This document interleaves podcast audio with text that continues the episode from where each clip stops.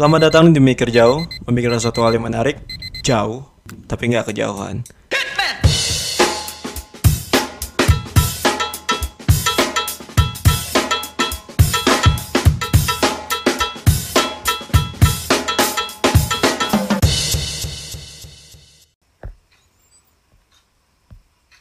Ya, balik lagi di Mikir Jauh.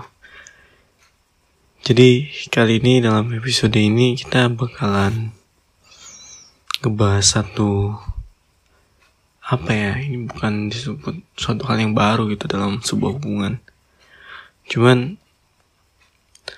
walaupun ini udah lama, udah banyak sekali orang yang mungkin ngelewatin kejadian ini atau merasakan hal yang mungkin gak mau dirasain gitu dalam su suatu pasangan atau suatu hubungan. Cuman walaupun hal ini bukan hal yang baru, sampai kapan pun hal ini akan terus menjadi suatu hal yang menimbulkan luka kebanyakan, yaitu sebuah perselingkuhan. Nah, kali ini kali ini kita coba akan bahas buat topik yang menurut gue sih lumayan apa ya, lumayan dekat sama pengalaman pribadi gue sendiri dan juga mungkin dari teman-teman sendiri pernah mungkin diselingkuhin atau mungkin juga teman-teman yang selingkuhin. Nah, beberapa waktu yang lalu gue coba untuk tanya ke teman-teman di Instagram buat apa sih sebenarnya selingkuh itu sebenarnya apa gitu. Ada yang jawab ketika selingkuh menjalani kasih dengan orang lain yang itu menurut dia itu me, apa ya mengkhianati sebuah komitmen gitu ini yang bilang bahwasanya selingkuh itu bentuk cacat yang sesungguhnya dari sebuah komitmen. Nah, ketika kita berhubungan, biasanya yang kita jalin itu ya oke, ya pastilah yang namanya sebuah hubungan itu pasti didasari oleh rasa, oleh cinta yang tumbuh, yang ingin bersatu antara dua insan misalkan dan tujuannya itu kita mengikat komitmen di situ. Nah, selingkuh itu adalah bentuk cacat dari sebuah komitmen itu sendiri gitu. Karena ketika lo berhubungan, lo seharusnya tak sadar ketika ada ada kemungkinan-kemungkinan yang lo nggak bisa dapat dari pasangan lo misalkan. Karena begini, menurut gue bukan menurut gue sih karena menurut ini menurut gue persepsi umum ya karena manusia itu nggak ada yang sempurna bener kan? Nggak ada yang sempurna. Lu mau cari ke mana pun menurut gue nggak akan lu dapet manusia atau nggak pasangan yang bener-bener sempurna buat lu misalkan. Adanya yang pas. Yang pas itulah pas dengan momennya pas dengan apa yang lo butuh pas yang apa menurut lo oke okay, gue pengen berkomitmen nih sama dia. Nah ketika lo nggak pernah puas untuk mendapatkan apa ya mendapatkan satu hal yang mungkin di pasangan lo nggak ada. Kebanyakan hal itu yang membuat lo selingkuh gitu.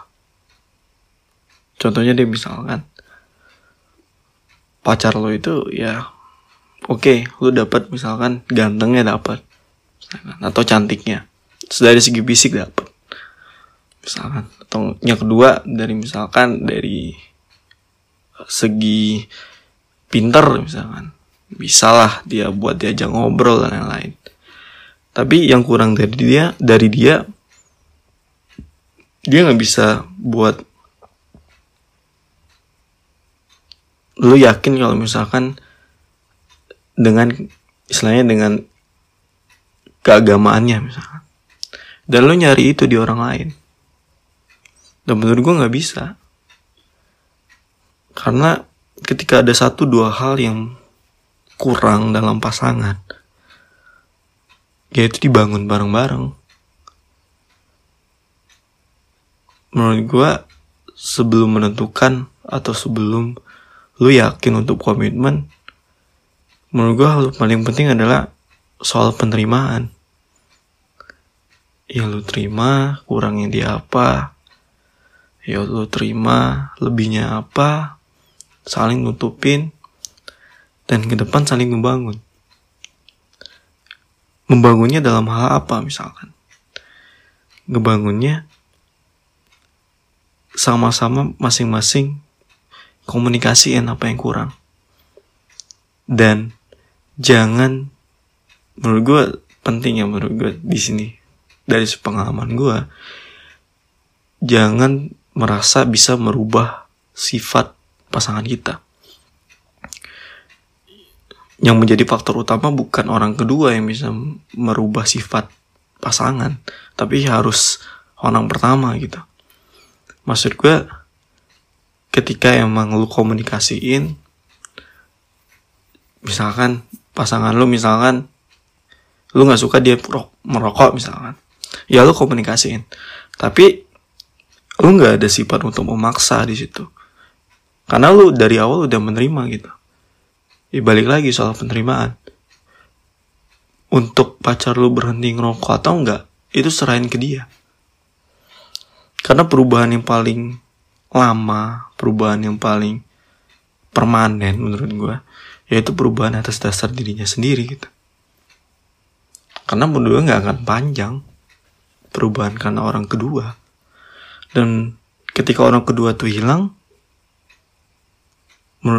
gue gue yakin atau mungkin ya, itu akan balik lagi.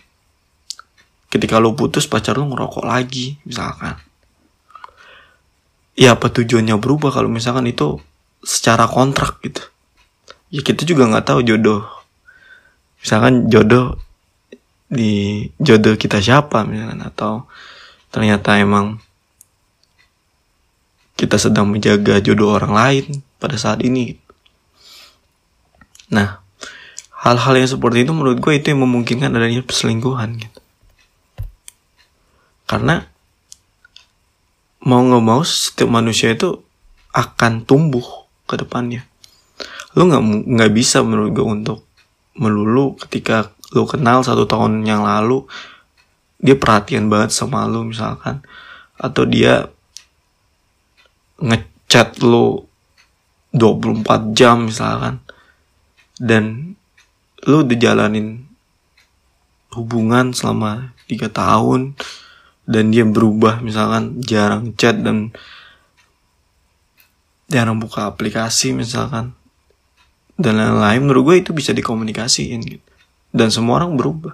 Siapa tahu tiga tahun kemudian pasangan lo itu butuh waktu untuk mempersiapkan apa yang harus dia bicarain atau apa yang harus dia tanggung jawabin ke masa depannya gitu. Siapa tahu dia pengen ketika dia nggak ngechat lo dia kerja misalnya. Maksud gue poin penting itu komunikasi. Ketika lo emang mencari satu dua hal yang lo nggak dapat dari pasangan lo ya lo egois gitu. Lo bener-bener nggak nggak bisa puas gitu. Lo nggak mau ninggalin pasangan lo dan lu ngehianatin komitmen itu gitu yang kalian sepakatin di awal misalkan untuk menjalin sebuah hubungan gitu. Nah yang menurut gue wajib dari selingkuh menurut gue yang akan pasti akan datang adalah rasa ber, rasa kecewa gitu rasa kecewa yang pasti akan datang adalah luka. Menurut gue itu akan pasti datang. Entah itu pasangan lo yang ngerasain, entah itu lo sendiri yang ngerasain, entah itu keselingkuhan lu yang ternyata nggak tahu ternyata dia ternyata dia itu adalah perusak hubungan misalkan. Menurut gue daripada lu ngelakuin hal itu mending lu jujur gitu. Ya emang emang gak bisa sesimpel itu untuk diterima gitu menurut gue cuman itu bisa di omongin gitu gue pernah pernah mendengar cerita kalau misalkan banyak banget yang pasangannya itu masih berhubungan dengan mantannya yang lama misalkan. Menurut gue sebenarnya yang paling penting dalam hubungan kan kepercayaan kan nah ketika masuk ke dalam hal kepercayaan ketika dia menghubungi mantan yang ya udah gitu nggak apa-apa menurut gue asal emang ada satu dua urusan yang harus diselesaikan. Gue selalu percaya dulu ketika gue berhubungan. Ketika misalkan cewek gue membuat mau ngehubungin mantannya atau ketemu segala macam ya silahkan gitu. Asal bilang dan gue tahu alasannya apa gitu. Ya gue juga kalau misalkan gue nggak tahu alasannya juga ya udah nggak apa-apa gitu. Yang penting ketika gue udah ngasih, ngasih kepercayaan 100% misalkan ya lu jangan hianatin gitu. Balik lagi. Cuman apa-apa yang belum selesai di masa lalu pasangan lo itu menurut gue bukan urusan lo yang seharusnya itu diselesaikan oleh pasangan lo sendiri gitu.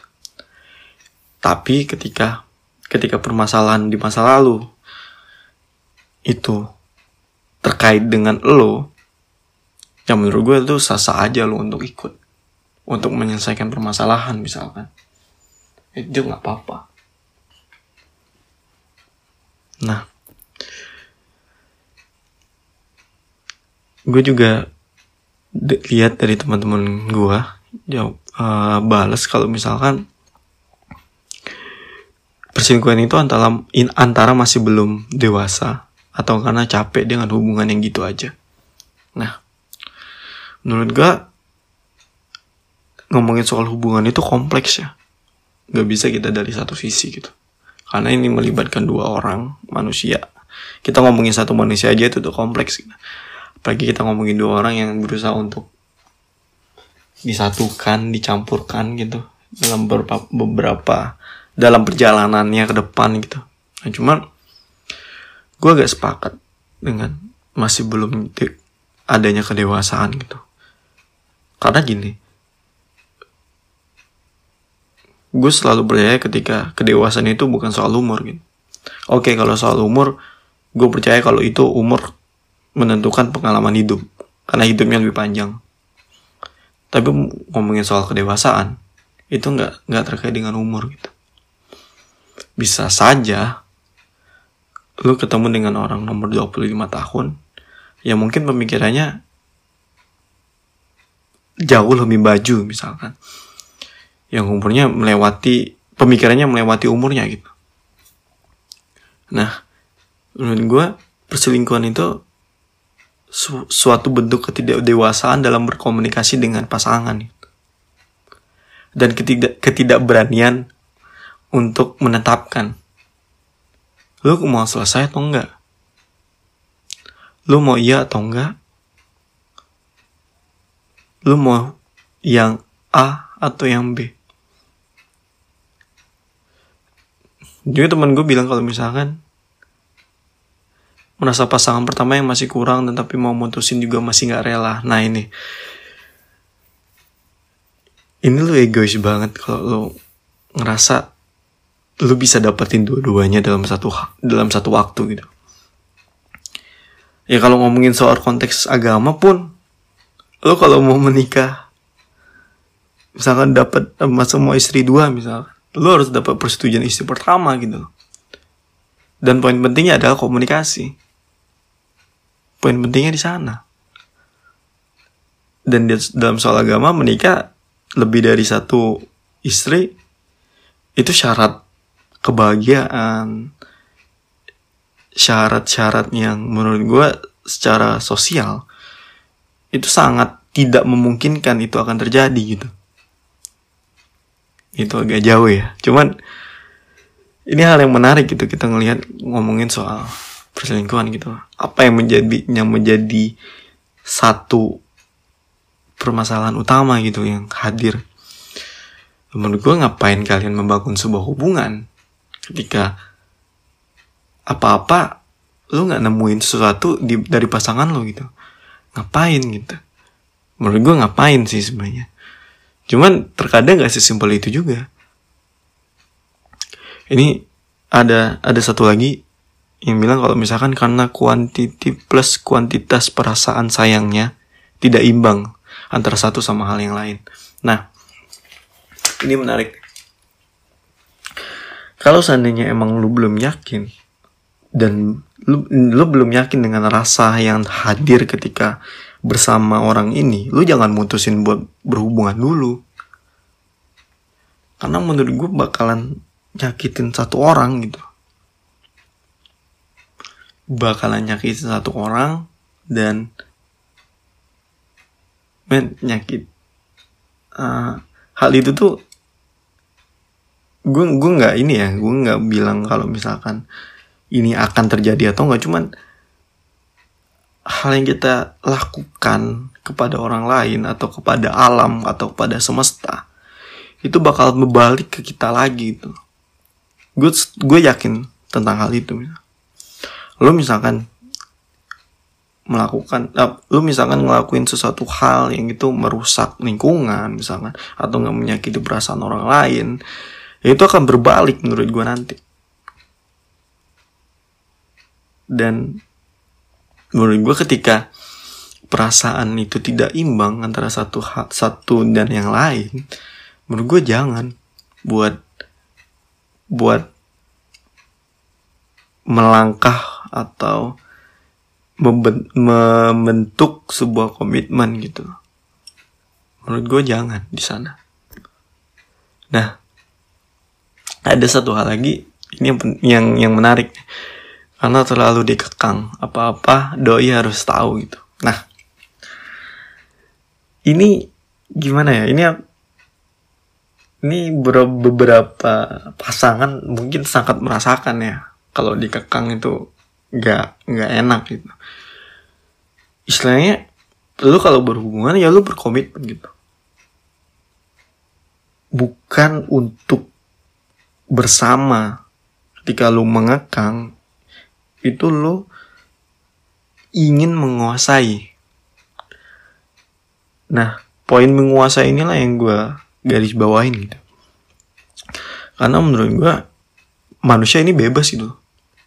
Gini sebelum lo ketemu sama mantan ya sebelum lo ketemu sama pacar lo lo dan pacar lo itu punya dunianya masing-masing gitu. Lo nggak nggak nggak ketemu pas langsung brojol lo ketemu dan pacaran gitu. Enggak lo ketemu ketika dia udah melewati beberapa hal.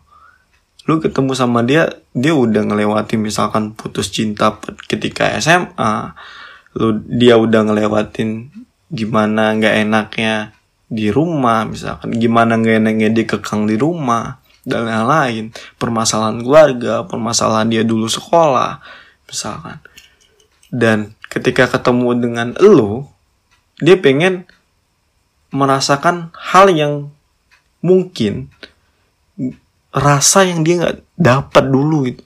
Di keluarganya misalkan. Tapi lu ngekang dia gitu ketika lu berpasangan. Menurut gue itu aneh gitu. Dan misalkan lu ngekang dia nggak boleh main sama teman lu lagi temennya lagi. Dia nggak dia apa-apa harus harus tahu dan harus ya menurut gue harus tahu masih wajar lah. Kayak tapi nggak nggak apa-apa semuanya ya kalau misalkan aku mau mandi dia harus tahu misalnya dia mandi kayak gimana segala macam itu menurut gue terlalu lebay ya. Cuman kalau untuk tahu dan beberapa hal menurut gue nggak masalah. Cuman kalau sampai izin apa-apa harus izin dan lain-lain segala macem men lu cuman pacar balik lagi. Kecuali emang lu sudah menikah ya mungkin ya. Itu menurut gua beda hal cerita beda pembahasan lagi gitu menurut nah ketika lu terlalu terlalu mengekang dan segala macam rasa kebebasan akan hidup itu lu lu ambil dan gak ada orang yang suka dengan hal itu. Siapa pun itu. Pasti itu nggak nggak akan nggak akan bisa membuat satu dua orang atau ya kebanyakan orang di bumi ini nggak akan nyaman dengan suatu hal yang dikekang itulah mengapa penjara yang mengekang kebebasan orang untuk bertemu misalkan dan lain-lain itu tidak disukai. Nah ini ada juga karena keadaan. Menurut gua karena keadaan ini ya banyak ya bisa bisa masuk dan bisa dijelaskan gitu. Cuman menurut gue hal yang gue bahas tadi itu bisa bisa menggambarkan lah setidaknya keadaannya se- seperti apa gitu yang yang bisa menyebabkan orang selingkuh. Dan menurut gue selingkuh itu baik atau enggak tergantung dengan konteksnya. Balik lagi. Karena selingkuh itu mungkin saja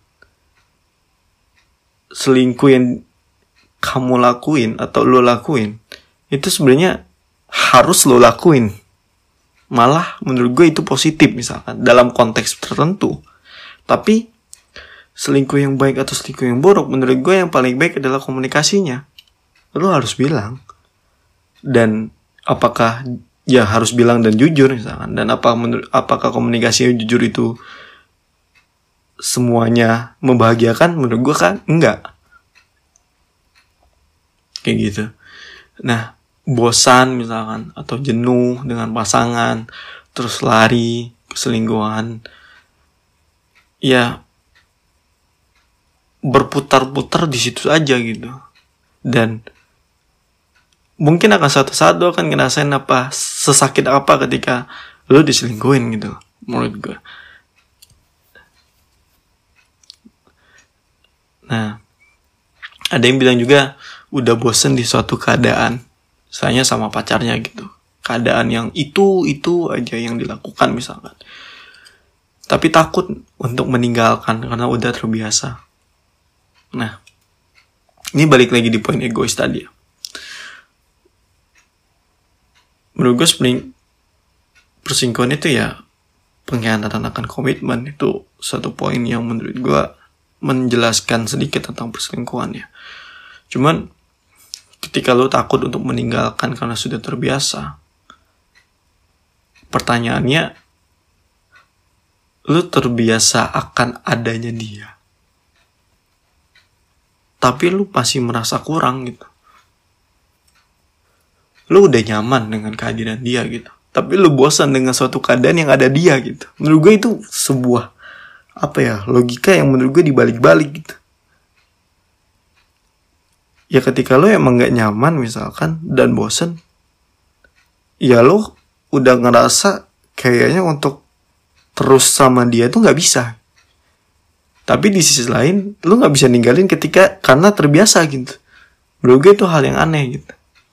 Nah kalau misalkan emang lo takut untuk meninggalkan menurut gue tinggal tinggalin selingkuhan lu menurut gue ya karena poin utama yang lu bilang lu bosan kan?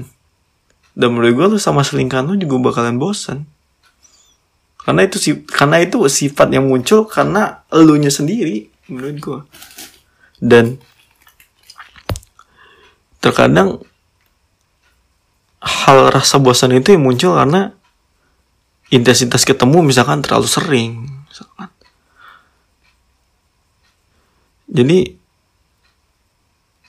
hal itu buat gue sebisa lu dan pasangan lu mau buat waktu itu waktu yang lu luangin misalkan waktu yang lu jalanin bareng dia itu emang quality time gitu loh. Yang itu lu bisa berbagi satu dua hal lu bisa saling membangun lu tukar pikiran segala macam. Lu misalkan ketika udah bo bosen misalkan segala macam ya lu bikin itu nggak bosen lagi gitu gimana pun caranya gitu. Lu obrolin misalkan. Ah kita gini-gini aja nih di nongkrongnya di sini terus misalkan. Ayo kita jalan ke mana? Ayo kita main misalkan. Kalau lu bosan misalkan naik motor terus terus misalkan lu naik sepeda bareng lakuin aktivitas yang selama lu pacaran kemarin itu jarang banget lu lakuin gitu. Nah. Jadi hal-hal yang mengenai tentang seperti ini tuh seperti ini tuh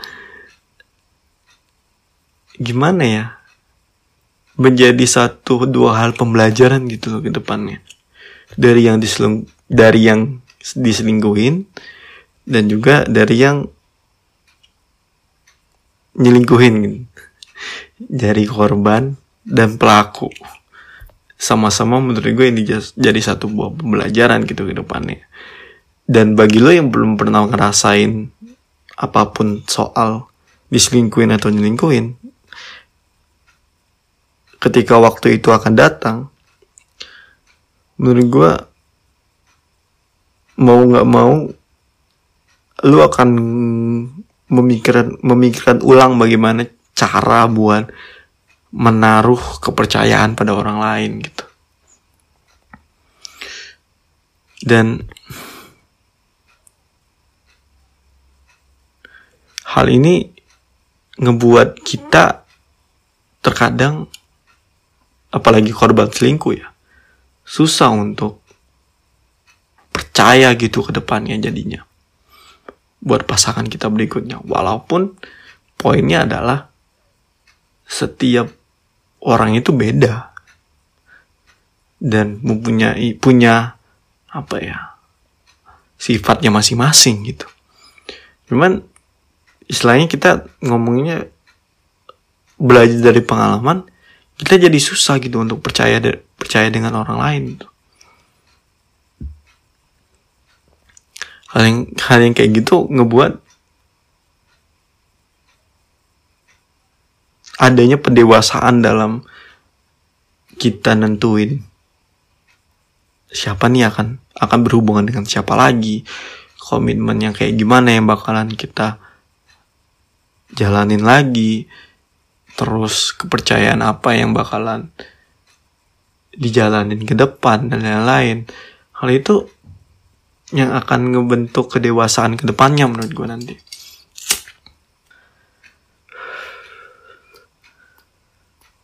Nah persinggungan juga apa ya? Itu selaras dengan kepercayaan kepercayaan diri kita sendiri gitu menurut gue sebenarnya salah kita apa gitu? Kok bisa gitu? Dan pertanyaan-pertanyaan itu menurut gue yang seharusnya bisa dijawab sebelumnya. Seharusnya itu bisa menjadi satu obrolan dalam hubungan gitu. Dan terkadang tidak semudah itu untuk dikomunikasiin.